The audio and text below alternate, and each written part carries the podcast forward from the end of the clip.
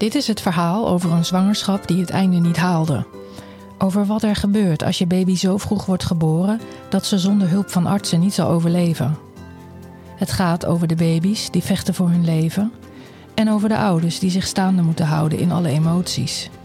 Over verwachtingen die niet uitkomen en over de periode erna. Podcast Prematuur gaat over de helden van het eerste uur. Ik ben Vanessa. Welkom bij Podcast Prematuur.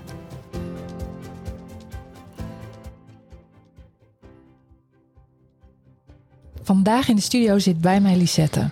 Zij is moeder van twee kinderen waarvan de jongste te vroeg is geboren met 28,4 en 950 gram. En Lisette is holistisch coach. Lisette, welkom. Dankjewel. Ik ben natuurlijk heel erg nieuwsgierig naar wat het precies inhoudt, jouw werk als holistisch coach. Maar zou je eerst eens kunnen vertellen over je eigen zwangerschap en bevalling van de jongste? Mhm. Ja, dat kan ik zeker.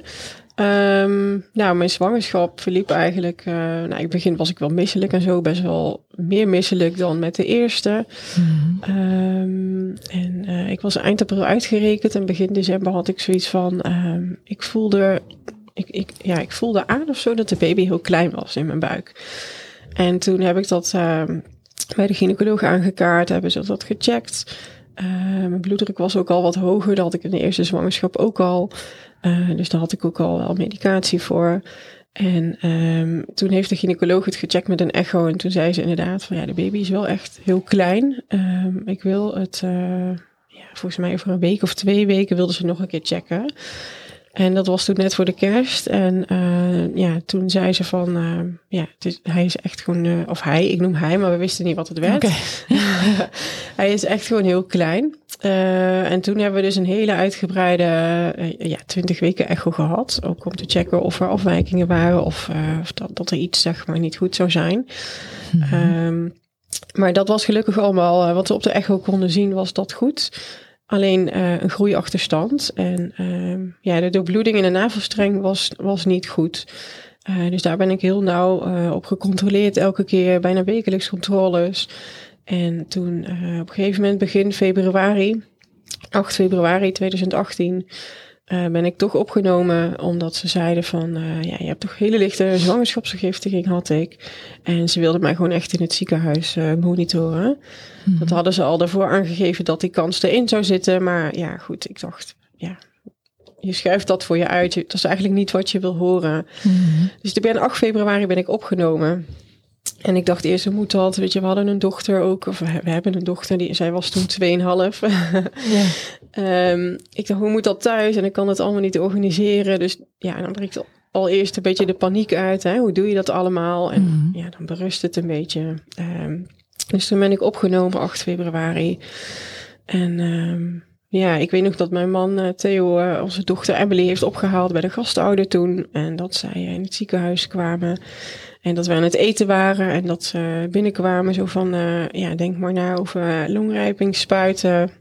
En uh, dat ze daar al over begonnen. Dus toen begon eigenlijk al een beetje de rollercoaster dat ik dacht, ja, longrijping spuiten, ik lig hier nog wel eventjes. Dus uh, ik wil eerst even kijken wat het allemaal is. Want ze hadden gezegd, ja, probeer het te rekken tot 32 weken om dan het kindje te halen. Of kijken wat we kunnen doen tot, die we tot 32 weken. Um, maar toen zijn ze eigenlijk de hele nacht al met mij bezig geweest, omdat mijn bloeddruk zo hoog opliep. En toen hebben ze, toen was het die vrijdag 9 februari, was het eigenlijk met mij allemaal wel stabiel. En ik lag aan de CTG en toen hebben ze, kwamen ze half vijf 's middags. En toen zeiden ze, we willen toch uh, vandaag nog een keizersnee doen om, uh, om je kindje te halen, je baby te halen, want we zien hartdipjes. En we willen gewoon geen enkel risico lopen om uh, te wachten. En één minuut over half zeven s'avonds is hij geboren, is hij gehaald middels een keizersnee. Dus dat was ja, best wel heftig. Dat hadden wij en, en de mensen in het ziekenhuis, de gynaecoloog had dat ook donderdag niet ingeschat, dat het zo snel zou gaan. Hmm. En uh, ja, toen waren we dus opeens al uh, weer opnieuw ouders Ja. van onze zoon. Ja. Ja, Ja, het is allemaal heel snel gegaan. ja uiteindelijk is het heel snel gegaan. Mhm. Ja, en ehm nou ja, goed, de keizersnee is wel heel goed verlopen. Um, hij moest natuurlijk meteen uh, mee. Hij werd meteen uh, naar de kinderarts uh, in de ruimte daarnaast. terwijl ze nog met mij bezig waren. Dus ik moest naar de verkoevenkamer en mijn man is meegegaan met onze zoon naar de IC uiteindelijk. En mhm. ja, een paar uur later een paar uur later, volgens mij rond acht uur, kon ik pas bij hem. Omdat ik natuurlijk eerst in de verkoevenkamer moest. Mhm. Ik voelde mij overigens heel goed. Ehm, maar dan lig je daar in je eentje. Ik had mijn telefoon aan mijn man gegeven. Zo van, maak nog maar wat foto's. Ja. Ehm, en uh, ja, ik kon eigenlijk niks. Ik zat te wachten en ik voelde mij eigenlijk prima. Ja. Dus toen kon ik s'avonds pas uh, bij onze zoon. Hmm. En hoe was dat? Ja, dat was ook heel heftig. We hadden eigenlijk heel weinig tijd om uh, ja, voor te bereiden op zo'n vroeggeboorte. We hadden wel ook die vrijdag een gesprek gehad met de kinderarts, de neonatoloog. Um, maar ik moet, ja, ik moet zeggen, dat gaat zo allemaal langs je heen. Uh, ja, het is echt een rollercoaster waar je dan in komt. Dus dat is, ja, ik kan me ook heel weinig herinneren van dat gesprek. Mm En um, ja, ik weet dat ik mijn moeder smiddags heb gebeld, die vrijdagmiddag, van we gaan een keizersnee doen. En uh, ik had mijn telefoon dus meegegeven aan mijn man, dus ik kon ook niet bellen. Dus mijn moeder zat best wel in de, in de stress van wat duurt het allemaal lang. Uh, dus die heb ik echt pas om negen uur nadat wij op de IC waren samen, heb ik pas kunnen bellen. En uh, toen zijn ze s'avonds nog naar het ziekenhuis gekomen. En ja, ik, ik wist, of we hadden ook voorbereid op het gewicht. Dat, dat het heel klein, een heel klein babytje zou zijn. Uh, maar toch schrok ik wel echt ehm, toen, toen hij eruit kwam, hoe klein hij was. 950 hmm. gram was hij. En daar had ik dus mijn familie ook wel op voorbereid. Toen van, mijn man had gebeld van ja, het is echt een heel klein kindje. Het is nog kleiner dan de pop van, van Emily. ja, en dan ligt hij daar in de couveuse met allemaal kabeltjes en slangetjes en, en beademing. En, of beademing had, CPAP had hij gekregen. Mhm. En dat is dan, dan je kindje, weet je. En dan kun je met je hand door de, het couveuse luikje om hem uh, aan te raken. En ik weet wel, de eerste nacht kon ik ook niet slapen, ook door de adrenaline niet. Toen ben ik naar hem toegebracht met mijn bed. En toen hebben ze ook gezegd, wil je hem vasthouden? En toen mhm. heb ik hem die nacht voor het eerst ja, op mijn borst gehad. Mm en toen zagen ze ook meteen dat zijn hartslag meteen daalde. Weet je, en dat vind ik zo bijzonder dat hij dan, ja, je bent al meteen gescheiden, maar dat ik hem toch die eerste nog heb vast kunnen houden. En toen heb ik daar een tijdje met hem gelegen. Mhm. Nog eigenlijk helemaal niet beseffend dat hij er was. Mm Maar ook wel gewoon, uh, ja, een heel, heel mooi en bijzonder moment, maar ook gewoon heel heftig. Mhm. Hoe ging het met hem op de NICU en ja, hoe ging het met hem op de NICU? Hij heeft um, bijna twee weken op de NICU gelegen. En ik weet nog dat ik die eerste dagen vond ik echt heel erg spannend. Dat ik, um, hij is vrijdags geboren. En um, dat ik die eerste paar dagen echt zo'n angst had misschien om hem te verliezen. Dat ik gewoon niet goed wist wat ik nou... Um, ja, ik durfde gewoon niet te vragen ook wat zijn, wat zijn kansen waren. Mhm. Omdat ik zo bang was van, uh, voor het antwoord eigenlijk. Mhm. Het antwoord wat je niet wil horen. Want je wil natuurlijk dat je kindje er, uh, dat je kindje er komt. Maar daar kunnen ze natuurlijk ook geen antwoord op geven. Ik mhm. durfde het ook niet te vragen. En um, ja, het was een hele, hele spannende tijd. Hele heftige tijd. Vooral op de NICU vond ik het echt wel... Uh, ja, een hele, hele heftige omgeving ook. Al die indrukken, allemaal kleine babytjes. Om de havenklap gaan de piepjes. Um, uh, dat, dat er weer een kindje uh, ja, de hartslag daalt of dat ze moeten ingrijpen. Dat vond ik sowieso heel heftig. Mm. Um, en na bijna twee weken werd hij overgeplaatst naar de post-IC. En toen uh, ja, gaf mij dat ook wel wat meer rust. Ik durfde wat meer op hem te vertrouwen. Hij was niet meer zo ja, fragiel, zo kwetsbaar. Um, ja, dus dat, dat gaf wel meer rust. Natuurlijk hebben ze daar ook nog van alles moeten doen qua, qua prikjes, infuusjes had hij allemaal nog. Um, ja, vaak bloedprikken natuurlijk, al die heftige dingen. Bloedtransfusies heeft hij uh, vier keer gehad. Maar voor mijn gevoel ja, werd het op die post na bijna twee weken toch wel wat um, ja, stabieler. Of durfde ik er meer op te vertrouwen. -hmm. En hoe lang heeft hij in totaal opgenomen? Is hij in totaal opgenomen geweest? Hij, is, uh, hij heeft zeven weken in het Radboud gelegen in Nijmegen. En daarna is hij overgeplaatst naar het CBZ in Nijmegen. Dus daar heeft hij ook nog zeven weken gelegen. Zo. Dus veertien weken in totaal. Ja. En wat ik ook heel heftig vond, uh, onze dochter die mocht niet bij hem op de IC. Omdat zij de waterpokken niet gehad had. Of wij wisten Oh, ja. niet of ze het gehad had. Ze zouden haar bloed moeten laten prikken. Maar dat vonden we ook gewoon te heftig op dat moment. Mhm. En voor haar begon eigenlijk ook een rollercoaster. Want wij waren natuurlijk in één keer eh, heel veel weg. Mhm. Ehm, we hebben wel besloten om in het Ronald McDonald huis te gaan. Ook om eh, ja, makkelijk te kunnen wisselen. En voor haar een stabiel plekje te creëren. Waar ze ook makkelijk met opa en oma kon zijn. Of met een van ons. Eh, maar ze ging natuurlijk ook vaak mee het ziekenhuis in. En dan mocht zij tot, ja, tot de Ronald McDonald huiskamer. En zij mocht niet de afdeling op. En ik kan me echt nog een moment herinneren dat zij heeft staan krijzen voor die deur. Gewoon eh, dat, dat zij niet naar binnen mocht. Ehm, weet je, dat je voor zo'n klein meisje, je kan het dan moeilijk uitleggen. Mhm. Dat ze een broertje heeft, maar dat ze dan ook nog niet bij je mag. En ehm, ja, dat is, dat is gewoon heel heftig. Ja. Heel heftig geweest voor ons allemaal. En je voelt je als moeder, voel je je ook gewoon verscheurd. Ja. Ik heb ook wel eens achtergelaten eh, bij opa of oma of mijn, mijn schoonzus of mijn zus... dat ze gewoon zo aan het krijsen was en aan mijn sjaal vasthouden. Mama, niet weggaan, niet weggaan. Ja, dan breekt gewoon je hart. Ja. Als je dan toch moet gaan. Eh, je wilde voor allebei zijn, maar je kunt niet op twee plekken zijn. Dus dat vond ik heel heftig, om dat eh, ja, nog erbij te hebben, zeg maar, de eerste twee weken. Hm. Zeven weken, sorry. Ja. Ja. Hey, en toen eh, op, er kwam een dag dat jij besloot om anderen te gaan helpen. En dan ben je opleidingen gaan doen, hè? Eh, Ja. Hoe is dat zo gegaan? Kan je eens vertellen hoe, hoeveel tijd nadat jullie thuis kwamen? En welke opleidingen heb je gedaan? Ja, ik had eigenlijk al wel langer het gevoel van ik wil iets anders. Eh, ik was daarvoor zelfstandig bewindvoerder. En ehm, ja, ik had zoiets dat werk is voor mij niet meer wat ik nog tien jaar wil doen. Niet meer de uitdaging wat ik zoek. Ehm, en ik, ik, ik had al wel eens eerder kennis gemaakt met NLP. Dat is neurolinguistisch programmeren. Mhm. En ik, eh, ja, dat trok me gewoon heel erg om zoiets te doen, om, om mensen te coachen op dat vlak. Dus toen ben ik me eigenlijk eh, ja, daar ook wat meer in gaan verdiepen. Toen ons zoontje thuis was, hij is in mei is hij thuis gekomen. En wij zijn toen in juli zijn we nog een eh, weekje naar Alkmaar eh, geweest op vakantie. En toen, eh, toen heb ik ook gewoon goed nagedacht van wat wil ik. En toen heb ik me toch ingeschreven voor de NLP-opleiding. Hm. En eh, daarna heb ik de NIJ-opleiding gedaan. Dat is neuro-emotionele integratie. En het zijn eigenlijk allebei ja, technieken waarbij je op het onderbewustzijn eh, werkt. Waarbij je heelt op het onderbewustzijn. Mhm.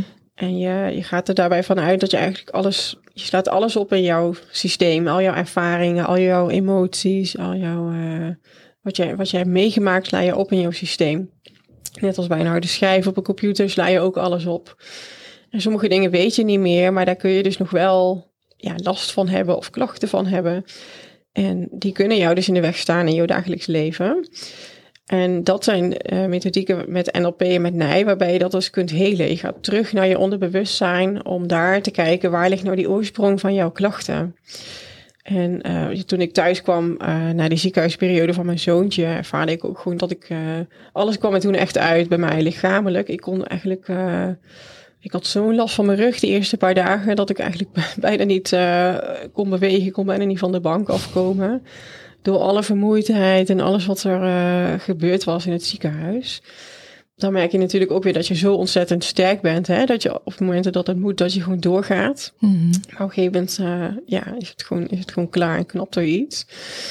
Ehm, Ik herinner me ineens dat ik heel erg door mijn rug gegaan, ja. dacht ik. Maar ik zat helemaal vast. Ik kon me bijna niet meer bewegen. Zo erg was het. Ja, dat had ik ook. Ja. Ja, En mijn ogen waren achteruit gegaan. Ik zag bijna niks meer. ja, bizar, hè? ja. Ja. Nee, ze, ja, komt het naar boven. eh, ja, precies. Ik had dat ook. Dat ik zo'n last van rug had. Hey, en, Ja. en je bent eh, holistisch coach. Ehm, Mhm. Dat heeft een zweverige lading. Maar Ja. eigenlijk is dat het helemaal niet. Hè? Want eh, is het niet zo dat NLP en, en NIJ eigenlijk wetenschap, op wetenschappelijke basis zijn gegrond? Ja, dat klopt. Ja. NLP sowieso inderdaad. Nee, is nogal een vrij nieuwe methodiek. Uh, Ja. Volgens mij is het nu ongeveer 20 jaar bekend in Nederland. Ja. Maar juist omdat het zo simpel en zo krachtig werkt, eh, met NLP doe je bepaalde oefeningen, eh, interventies. En met NIJ test je uit met een biotensor. En een biotensor is eigenlijk een meetinstrument. Mhm. En daarmee meet ik dus, eh, kan ik dus jou meten. Het werkt op trillingen. Jouw, alles heeft een trilling, alles is energie. Mhm. En jouw lichaam trilt ook op een bepaalde manier. En doordat ik dus vragen stel die met ja en nee beantwoord kunnen worden, gaat die biotensor daarop reageren. Mhm. Dus ik meet dat dan uit bij jou. En aan de hand van vragenlijsten en testlijsten kan ik dus op die manier ehm, ja, achter dingen komen. En hij werkt op basis van de vijf elementen van de Chinese gezondheidsleer. Zijn misschien, ken je ze wel, vuur, aarde, metaal, water en hout. Mhm. En dan weet je dus uit waar een verzwakking zit. Al die elementen staan ook weer ergens voor. Ehm, en op die manier kan ik dus testen waar bij jou een verzwakking zit. En ga je dus eigenlijk naar de kern toe. Je wilt naar die kern toe. En daar ga je, eh, ja, ligt eraan, soms heb je meer testen nodig. Soms eh, kom je wat sneller bij de kern. Eh, maar vooral als er emoties zeg maar opstapelen. Je moet het ook zien dat je sommige dingen al heel lang bij je draagt. Dan kom je dan wat moeilijker doorheen. Als je het vergelijkt met bijvoorbeeld een, een muur waar je elke keer een nieuw laagje behang op plakt. Ehm, Mhm. Als je dan elk jaar, stel je doet elk jaar een nieuw behangetje, is wel veel, maar ik noem het even als voorbeeld. Ja. Dan, ehm, als je dat elke keer maar opstapelt, dan kom je daar steeds moeilijker, zeg maar, bij die oorspronkelijke muur, bij die kern. Mhm. Dus hoe langer jij iets in jouw systeem hebt, hoe langer het ook eh, kan duren voordat je bij die kern komt. Maar soms kom je wel snel bij die kern. En vooral bij kindjes kun je ook wel heel snel, of bij baby's kun je heel snel, zeg maar, eh, ja, doordringen. Kun je, kun, je, kun je helen. En juist doordat dingen uit het onderbewustzijn, door die bewust te maken, gaat jouw zelfhelend vermogen daarmee aan de slag. Om, eh, om te helen. Mhm. Ik kan bijvoorbeeld als voorbeeld noemen, eh, om het wat concreter te maken. Mijn zoontje had bijvoorbeeld laatst nog dat hij, dat hij s'avonds onrustig was en dat hij elke keer zijn bed uitkwam. Dat hij niet wilde slapen. Dus ik dacht, ja, dat is niet zomaar. Dat doet hij met een reden. En toen ben ik met hem gaan praten. Ik zei, waarom kom je elke keer je bed uit? En toen zei hij, ik ben bang dat jullie weggaan. Dus ik dacht, dat heeft natuurlijk ook weer met het ziekenhuis te maken. Omdat daar, ja, vooral de eerste zeven weken in het radboud konden wij niet bij hem slapen. Mhm. Toen zijn we natuurlijk ook bij hem weggegaan. We moesten wel. Mhm. Ehm, en toen heb ik hem getest, gewoon op, op slapen. En ehm, nou, een dag later had hij eigenlijk zijn rust alweer terug. Er zat inderdaad ook een angst onder, eh, bang om alleen gelaten te worden en angst om eh, wat er gaat gebeuren. Dus zo kun je heel makkelijk die emoties uittesten aan de hand Hm. van die testlijsten. Wauw.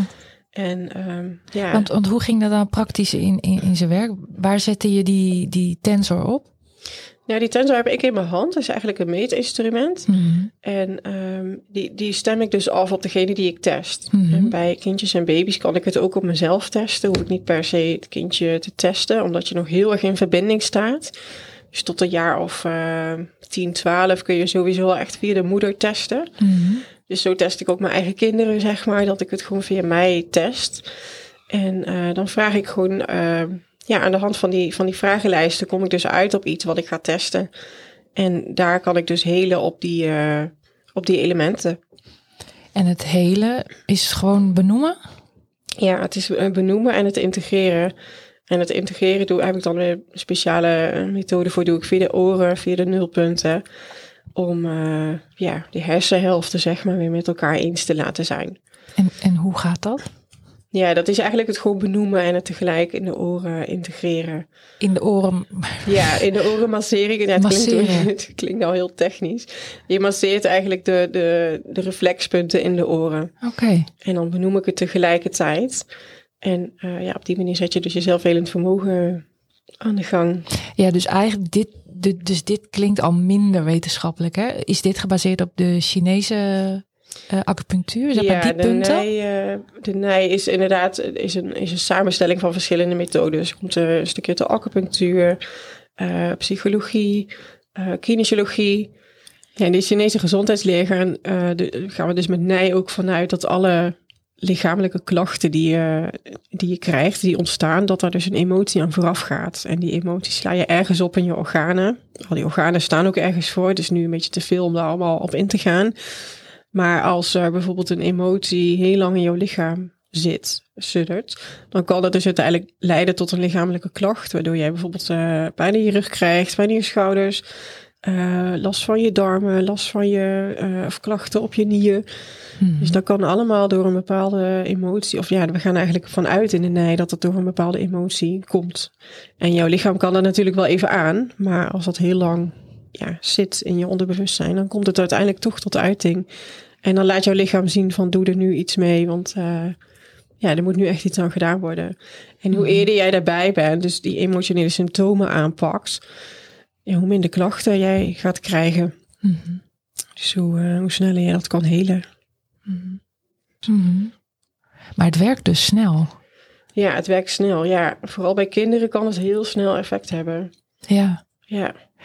En uh, want ik zat natuurlijk even op jouw website. Het is wonderwissel.nl. Mm -hmm. En uh, je hebt ook wat testimonials erop staan. Ik moet zeggen, ik ben er even doorheen gegaan. En toen dacht van wauw, uh, echt de hele positieve reacties heb je gekregen. Hè? Echt, ja. Dat je mensen echt heel snel eigenlijk ja, in ieder geval voor verbetering hebt kunnen zorgen van de ja. klacht. Mensen weten vaak niet vooraf wat ze kunnen verwachten. Ja. Um, en als ze het dan eenmaal ervaren, vaak is het ook een beetje spannend. Hè? Ze kennen het niet en de mm -hmm. biotensor, wat is dat dan? Mm -hmm. En als we dan bezig zijn tijdens een sessie, dan ervaren ze vaak wel van... oké, okay, ja, dit, uh, en sommigen voelen echt ook al tijdens de sessie iets. Ja. Uh, sommigen die krijgen een droom waarin ze dingen loslaten. Uh, sommigen die voelen gewoon letterlijk iets, hoofdpijn of buikpijn, of die krijgen iets. En ja, dat is heel verschillend per persoon hoe ze, hoe ze dat ervaren. Mm. Maar uh, ja, vaak voel je wel uh, snel verschil. Mm. Dat klopt. Hey, en hoe, hoe is die combinatie van, kan je een voorbeeld noemen van NLP-toepassing? Hoe is die combinatie tussen deze twee? Ja, NLP is ook vooral um, dat je oefeningen voor jezelf, zeg maar, doet. Uh, ik heb bijvoorbeeld een hele mooie oefening waarbij je uh, snel je emoties kunt, kunt uh, wisselen. Dat als je voelt van ik voel een bepaalde stemming of ik voel verdriet of boosheid opkomen, um, dan, dan heb ik daar een simpele methode voor waarbij je dit dus eigenlijk snel kunt, kunt, ja, kunt switchen. Ja, bijvoorbeeld je voelt verdriet opkomen, dan kun je voor jezelf een anker zetten. En uh, die, die, moet je wel regelmatig in de praktijk toepassen. Het is niet zo dat, dat je hem nu zet en dat je denkt over een maand, ik ga hem weer eens doen, dat het dan werkt. Het is wel iets wat je dan regelmatig moet blijven herhalen. Dan zet je bijvoorbeeld een anker en dat is een, een lichaamsdeel wat jij aanraakt. Mm-hmm. En daar heb je dan een positieve stemming aan gekoppeld, of een positieve emotie of een positieve ervaring. Mm-hmm. Bijvoorbeeld, uh, ja, dat kan van alles zijn voor jezelf. Een vakantie, dat je daar een goede herinnering aan hebt en dat je dan je anker zet, bijvoorbeeld je hand op je hart leggen. Mm. En door dat steeds te doen, ga je je onderbewustzijn eigenlijk programmeren opnieuw. Doordat je, als je dan verdriet voelt opkomen, dat je dan ja, die hand op je hart weer legt en toch weer die emotie, die positieve emotie die je daaraan gekoppeld hebt, die vakantie, uh, oproept. Mm. Dus als je dat vaker doet, dan, uh, dan gaat je dat ook makkelijker af en wendt jouw systeem daar ook aan. Het, het klinkt tegenstrijdig, uh, want um, met nij wil je de oorzaak halen uit het onderbewustzijn, waar iets ligt opgeslagen. En, en zo'n anker zetten lijkt het wel alsof je gewoon eventjes die emotie stopt. Um, terwijl ik juist het idee heb dat je dus. Het klinkt een beetje als ook een beetje EMDR, want dan ga je ook terug naar die emotie van toen. Daar, daar ga je dan weer middenin zitten. En dan, nou ja, EMDR wordt dan wat met je hersenhelften gedaan. Hè? Ja, klopt. Het heeft ook wel iets weg van EMDR. Nu ken ik EMDR niet precies. Okay. Maar wat jij zei klopt ook wel, want dat ankeren is ook vooral even op korte termijn. Ja, ja. Dat je even snel je stemming, uh, je gevoel oproept. Maar je haalt daarmee niet de angel, zeg maar, echt eruit. Ja, ja. Uh, en dat doe je met nij wel. Je gaat echt naar de diepste laag. Als je Mhm. bijvoorbeeld vergelijkt met een ui afpellen, heb je allemaal laagjes. En je Mhm. wil echt naar die, naar die diepste kern van dat ui. Mhm. Daar wil je naartoe. En uh, ja, dat doe je dus door te testen. En aan dat testen is het ook heel prettig dat je, ja, dat je eigenlijk weinig hoeft te praten. Omdat Ja. ik het uittest bij je. Dus uh, ja, gaandeweg komen we natuurlijk wel in gesprek. Maar door het uit te testen is het gewoon een hele vriendelijke methode. En dat krijg ik ook heel vaak terug van, uh, van klanten, dat dat, uh, dat dat heel prettig is. Mhm. En, en als je dan bij de kern aangekomen bent, kan je uitleggen wat je dan precies doet? Ja, wat ik doe is eigenlijk testen. En um, de klant moet eigenlijk ervaren wat dat, wat dat doet met, met je systeem. En dat is bij iedereen anders. Uh, je kunt bijvoorbeeld meer rust gaan ervaren. Uh, je kunt je, ja, van alles eigenlijk. Het ligt echt aan de klachten die je ervaart. Het kan ook bij baby's zijn als jij uh, bijvoorbeeld met een huilbaby. Um, daar kun je dus ook op testen. En dan haal je dus ook de angel weg. Weet je, het kan van alles zijn waardoor een baby natuurlijk huilt. Door emoties die in de zwangerschap ontstaan zijn. Of naar aanleiding van de geboorte. Uh, prematuur hebben natuurlijk van alles meegemaakt, ook in het ziekenhuis. Dus door daarop te testen haal je dus die angel eruit en kun je dus helen. En dat, dat maakt het ook zo krachtig. Als je het vergelijkt bijvoorbeeld met een ijsberg, dan heb je een heel groot, uh, ijsberg is heel groot. Je hebt een klein deel van een ijsberg, zie je boven het wateroppervlak uit. En de rest zit allemaal onder het wateroppervlak. En zo moet je eigenlijk ook vergelijken met je systeem. Het is, zit allemaal in je systeem. Maar um, ja, je, je bent je daar niet bewust van iedere dag. En baby's zitten natuurlijk nog heel erg op het gevoel. Hè? Die kunnen niet rationeel denken. Die kunnen niet een koppeling leggen van... Goh, ik, ik ben verdrietig om dit. En dat kan ook zijn dat ze emoties van de moeder hebben overgenomen. Zelfs uit een zwangerschap. Omdat zij verdriet voelen, denken zij meteen dat dat hun eigen verdriet is. Uh, maar door dus bewust te maken, wat ik zei met die ijsberg, um, in jouw systeem werkt het ook zo. Alles wat jij hebt meegemaakt, sla jij dus op in jouw systeem. En door dat bewust te maken kun je het dus, dus helen. Mm -hmm. Dat is eigenlijk hoe ik het ja, het beste kan uitleggen. Mm -hmm. En dat is hoe het, hoe het werkt. Ja, wat bijvoorbeeld ook nog zo kan zijn, is dat je merkt aan je kindje dat er uh, bepaalde emoties heel erg een rol spelen in hun leven. Of uh, ja, je kunt het als volwassene zelfs ook nog merken op latere leeftijd. Mm. Dan kan het dus allemaal te herleiden zijn aan jouw geboorte. Want je geboorte, eh, ja, en je zwangerschap, dus de periode bij je moeder in de buik. Mm. Die periode laat zo'n diepe imprint achter. Um, ja, dat, dat dat dus eigenlijk in je rest van je leven nog een rol kan spelen. Mm. Um, zo test ik, kan ik dus ook testen op geboortepatronen. Er zijn allemaal verschillende geboortepatronen. Uh, ik zal een aantal voorbeelden noemen, zodat, er een beetje, zodat je een beetje een beeld hebt van wat ik dan bedoel. Mm. Bij een keizersnee kan het, uh, als, als je een keizersnee hebt gehad, dan kan het dus bijvoorbeeld zo zijn dat, dat je kindje of jijzelf misschien, als je zelf uh, ooit met een keizersnee bent geboren bij je moeder, dat je het niet prettig vindt dat je onderbroken wordt. Omdat dat dus met die keizersnee ook gebeurd is. Weet je, je was er eigenlijk nog helemaal niet klaar voor. Maar in één keer word jij ja, het leven uh, word je uit de buik gehaald en uh, begint jouw leven. Terwijl je het niet op je eigen tempo mag doen. Hmm. Dus dan kan het dus zo zijn dat je het helemaal niet prettig vindt dat je onderbroken wordt. Bij een navelomstrengeling kan het dus ook zo zijn dat jij, um, dat je, dat je ervaart dat je het helemaal niet fijn vindt om een sjaal of een, een, een das of een stropdas te dragen omdat jij dus die diepe imprint hebt van toen jij geboren werd, dat die navelstreng om je nek zat. Als jij claustrofobie hebt, kan dat zo zijn dat jij vast hebt gezeten in het geboortekanaal. Dat je daar heel lang in vast hebt gezeten. Dat je helemaal in paniek raakt. Hè? Waardoor jij nu dus niet tegen kleine ruimtes kunt. Waardoor jij moeite hebt om een lift in te stappen. Het hoeft mhm. niet altijd, maar vaak kun je het wel herleiden aan, uh, aan je geboorte. En uh, zo zijn er dus allemaal verschillende geboortepatronen. Een couveuse periode heb je bijvoorbeeld, uh, dan kunnen kinderen zich later ook uh, eenzaam voelen. Of je kunt moeite hebben met licht en geluid om dat te verdragen. -hmm. Doordat je dat in die couveuse ook ja, zo intens hebt ervaren als kleine baby. -hmm. Dus dat zijn allemaal ja, imprints die, die heel diep geworteld zitten in jouw systeem. En die, die, die kun je dus eigenlijk heel simpel helen ook met met nee. En er kunnen dus ook meerdere geboortepatronen zijn die, die jou in de weg staan waar je last van kan hebben. Mm -hmm. Zo kan het natuurlijk ook zijn dat je een hele prettige geboorte hebt gehad. Hè? Dat je direct op de borst van je moeder wordt gelegd. Uh, maar ja, goed, vaak bij, bij premature en traumatische geboortes zitten er wel patronen onder die, uh, ja, die, die uh, geheeld mogen worden. Mm -hmm. En die mhm. geheeld kunnen worden op deze manier. Mm -hmm. Soms is het zo, zo bizar hoe ons systeem dan werkt, hè? ons lichaam in elkaar zit. Ja. Ik vind het nog steeds heel uh, intrigerend. Dat uit je onderbewustzijn halen met die testen, dat snap ik. Dat, dat het in je hersenen naar boven is gekomen. En dan zeg jij, het lichaam heeft een zelfhelend vermogen. Dus die gaat dat opruimen. Ja, eigenlijk is het zo dat als, als jij klachten hebt of er is iets, dan zijn jouw linker en jouw rechter hersenhelft het niet met elkaar eens. En um, ja, die ga je eigenlijk integreren door, het, ja, door ze weer met elkaar eens te laten zijn. Door dat bewust te maken. Ja, die gaan eigenlijk weer samenwerken. Zo moet je het zien. Je, ik test het dan uit en wat er dan ook uitkomt, dat maak, ik, dat maak je al bewust natuurlijk met een test door het te benoemen. En dan, uh, ja, ga je, dan zit er vaak een onderliggende situatie onder, hè, dat, dat, dit, dat die klacht is ontstaan. En dan ga ik het dus bewust maken door het nog een keer te integreren uh, via de nulpunten in je oren. Uh, door het op te ruimen. Kijk, als jij je computer ook maar steeds vol stopt met van alles. Je laat elke dag sla je documentjes op.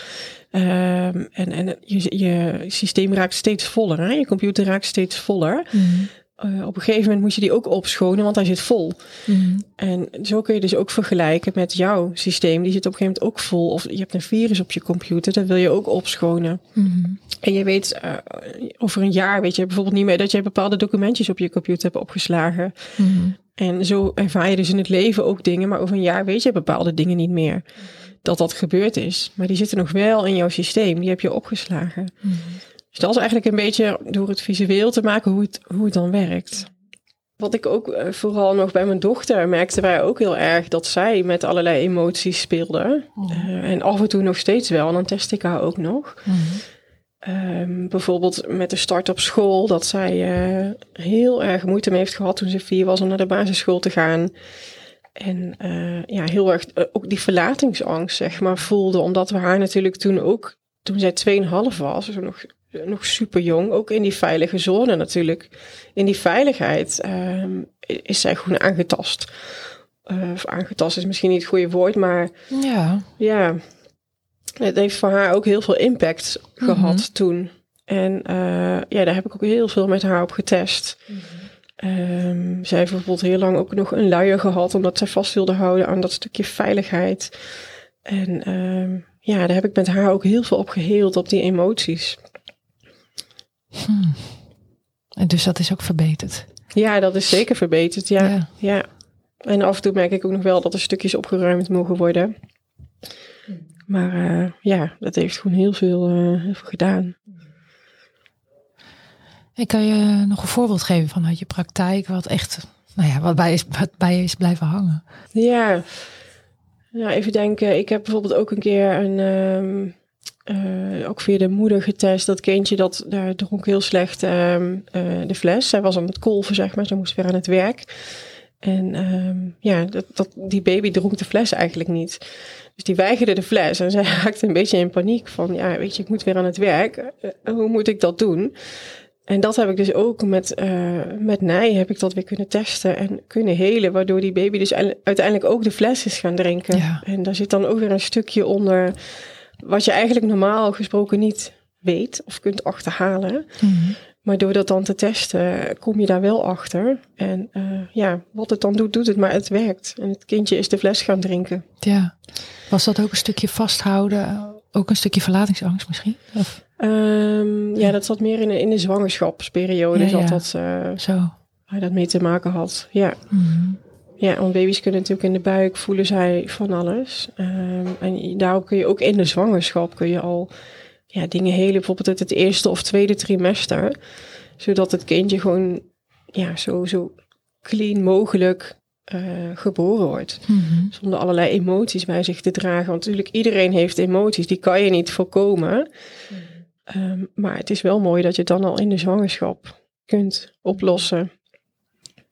Dus eigenlijk als je denkt aan, aan onze situatie, hè, als je dan een vroeggeboorte hebt meegemaakt en je zou daarna nog een keer zwanger worden, dan zou dat ook ideaal zijn om. Terwijl je nog zwanger bent, zou je dus kunnen testen.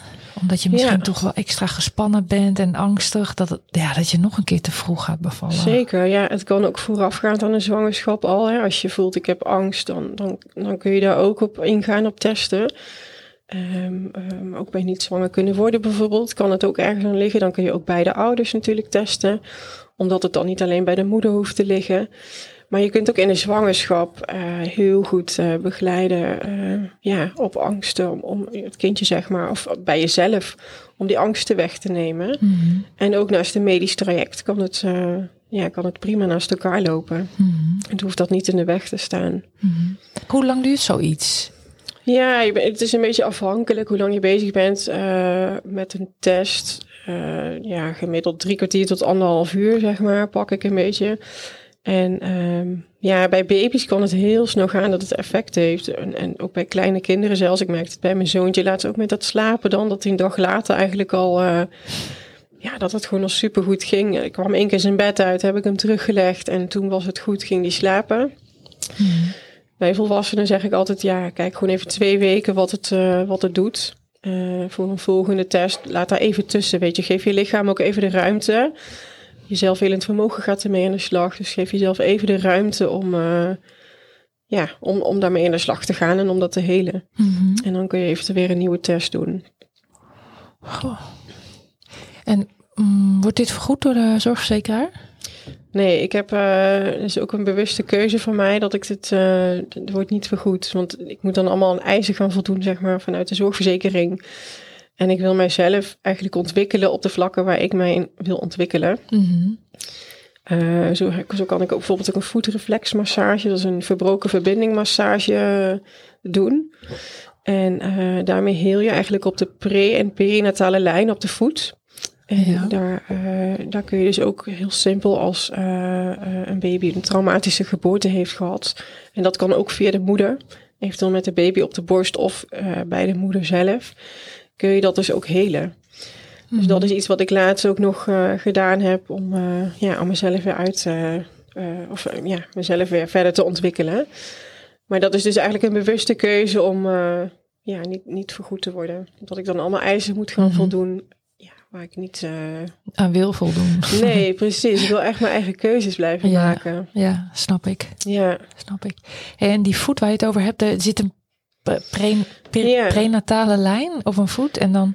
Ja, die loopt eigenlijk uh, vanaf je ruggenwervel loopt die door naar de binnenkant van je voet. Dus dan uh, um, ter voorbereiding op zo'n massage vul je een vragenlijst in. En ga ik dus ook kijken waar dan de verschillende punten zitten op de voet en ga ik dus voelen. En uh, door, door, ja, het is eigenlijk een voetreflexmassage. Mm -hmm. kun je dus ook dingen helen vanuit een, een geboorte. Ik vind het zo interessant. Ja, is het ook. Hmm. Ik vind het ook nog steeds wonderbaarlijk elke keer wat voor resultaten er dan uh, uitkomen. Mm Wat ik moeders ook vooral nog wil meegeven um, en wat ik zelf ook um, ja, ervaren heb, waar ik zelf heel erg voor sta, is ook, uh, ja, neem jezelf altijd serieus. Als jij voelt dat iets niet klopt of um, ja, de artsen zeggen dat het anders is, dan zou ik zeggen, voel je, volg je moedergevoel, want dat klopt altijd. En mm. ja, als je je niet serieus genomen voelt, is natuurlijk heel vervelend. Daar komt ook best wel veel voor. Um, dan zou ik zeggen, ga op zoek naar iemand die jou kan ondersteunen en ook iets naar wat bij jou past. En um, ja, heel zo snel mogelijk waar je dat kunt, zeg maar, uh, mm-hmm. heel dat. En zoek iemand die bij jou past, wat, wat voor therapievorm het dan ook is. Mm-hmm. Maar uh, ja, zorg ervoor dat je in ieder geval goede hechting met je kindje ook verder uh, ja, kunt, kunt bewerkstelligen. Hè? Dat je goed gehecht bent. Als het in de beginperiode in het ziekenhuis niet gebeurd is. Of je bent natuurlijk gescheiden geweest in het ziekenhuis. Wat heel vaak voorkomt uh, bij prematuren. Mm Niet in alle ziekenhuizen hebben ze natuurlijk ook grooming in. Hadden wij in het begin ook niet. Maar dan uh, ja, zou ik echt zeggen van uh, ga op zoek naar hulp wat, wat past. Mm ja, want ik heb ook het idee dat het ook gewoon naast elkaar kan bestaan. Hè? Omdat ik, zei, ik heb zelf natuurlijk EMDR gedaan en ik heb niet het idee dat ik nu niet ook een nijbehandeling of ding zou kunnen doen. Nee. Ik denk dat dat samen kan. Ja, dat kan, dat kan denk ik zeker. Ik ben niet heel erg thuis in EMDR, maar dat mhm. is natuurlijk ook heel erg gericht op traumaverwerking. Mm Waardoor je volgens mij die beelden weer terugziet. Um, ja, het kan zeker naast elkaar. Maar ik zou zeggen, maak ook een keuze waarbij jij een goed gevoel hebt. Mhm. Ja. Ja, dus dat is wat je andere ouders zou mee willen geven. Ja, dat zou ik zeker willen meegeven, ja. ja. Wacht ook niet te lang. Nee, en ga vooral niet twijfelen aan jezelf. Ik vind het zo... Uh, um, ja, ik vind het soms heel heftig wat er gebeurt. En dat is ook wel iets wat ik, waar ik voor wil staan, weet je. Ga Ga niet twijfelen aan jezelf. Ga gewoon voor je moedergevoel staan. En uh, vertrouw mhm. echt op jezelf als jij denkt uh, dat ze het niet bij het juiste, uh, bij het rechte eind hebben. Mhm. In het ziekenhuis. Ja, in het ziekenhuis. Ja. Mhm. Maar ook daarna nog wel. Weet je, als jij klachten hebt of ja, je ervaart gewoon dat je, dat je niet lekker in je vel zit. Volgens mij ligt daar best wel een taboe op. Ik denk, ja, het is niks om je voor te schamen. Je hebt gewoon een hele traumatische gebeurtenis meegemaakt. Mhm. Ehm, ja, dus, dus ja, doe daar iets mee, weet je. Je bent het waard en ook je kinderen. Mhm. Ja. Om gewoon die liefdevolle moeder te zijn. Mhm. ja. Dankjewel. Ja, dankjewel. Lisette benadrukt het belang om je er niet voor te schamen als je niet lekker in je vel zit. Als ouders van een kindje dat weken en soms maanden het leven startte in de couveuse, heb je gewoon iets heel traumatisch meegemaakt. Traumatisch omdat de zwangerschap voortijdig eindigde op een manier die je niet had verwacht. Omdat je alle pijn en het lijden van je kindje van dichtbij hebt meegemaakt. Voor mij is psychische hulp zoeken en erover praten geen taboe meer. Na een dik jaar vol therapie loop ik ook tegen dingen aan. Maar ik kies ervoor om me beter te voelen. Dus blijf ik praten en zoeken naar dingen waardoor ik me beter voel. Ik mediteer bijvoorbeeld elke dag, wandel en zodra de sportschool open gaat ben ik weer van de partij. Omdat het mijn hoofd helder houdt. Nijtherapie is misschien niet conventioneel. Toch vind ik het, zelfs als scepticus, wel interessant. Ik ben op zijn minst nieuwsgierig geworden en ik ga binnenkort een sessie doen met Lisette. Zodra het achter de rug is, zal ik mijn ervaring met jullie delen op de socials. Heb jij nou een goede ervaring met wat voor therapie dan ook, waardoor jij je beter in je vel bent gaan voelen? Mail me dan. Ik hoor graag van je. Podcast Prematuur over de helden van het eerste uur. Gemaakt door mijn mama. Ik vind het een eer dat je hebt geluisterd naar deze aflevering. Dank je wel daarvoor. Ik maak de podcast graag, want ik geloof dat het voor ouders een stuk herkenning biedt en daarom troost. En het biedt de zorgprofessional een stuk inleving en empathie. Zoals je misschien wel weet, maken we ook prematuurpopjes. Die zijn heel waardevol voor familie en vrienden en voor het kindje zelf. Ik kijk elke dag naar het popje van Vince. Gewoon omdat ik nooit wil vergeten waar hij vandaan komt. Hij ligt bij ons op de overloop, in een mandje. En ik moet zeggen dat het elke dag steeds bizarder lijkt hoe klein Vince het leven startte. De podcast maken kost alleen wel veel tijd en geld. Daarom heb ik het mogelijk gemaakt om te doneren. Dat kan al vanaf 3 euro. Vind jij de podcast waardevol en kan jij iets kwijt? Dan kan ik er in ieder geval de kosten mee dekken. Ik zou het enorm waarderen. Alvast dank en ik hoop tot volgende week.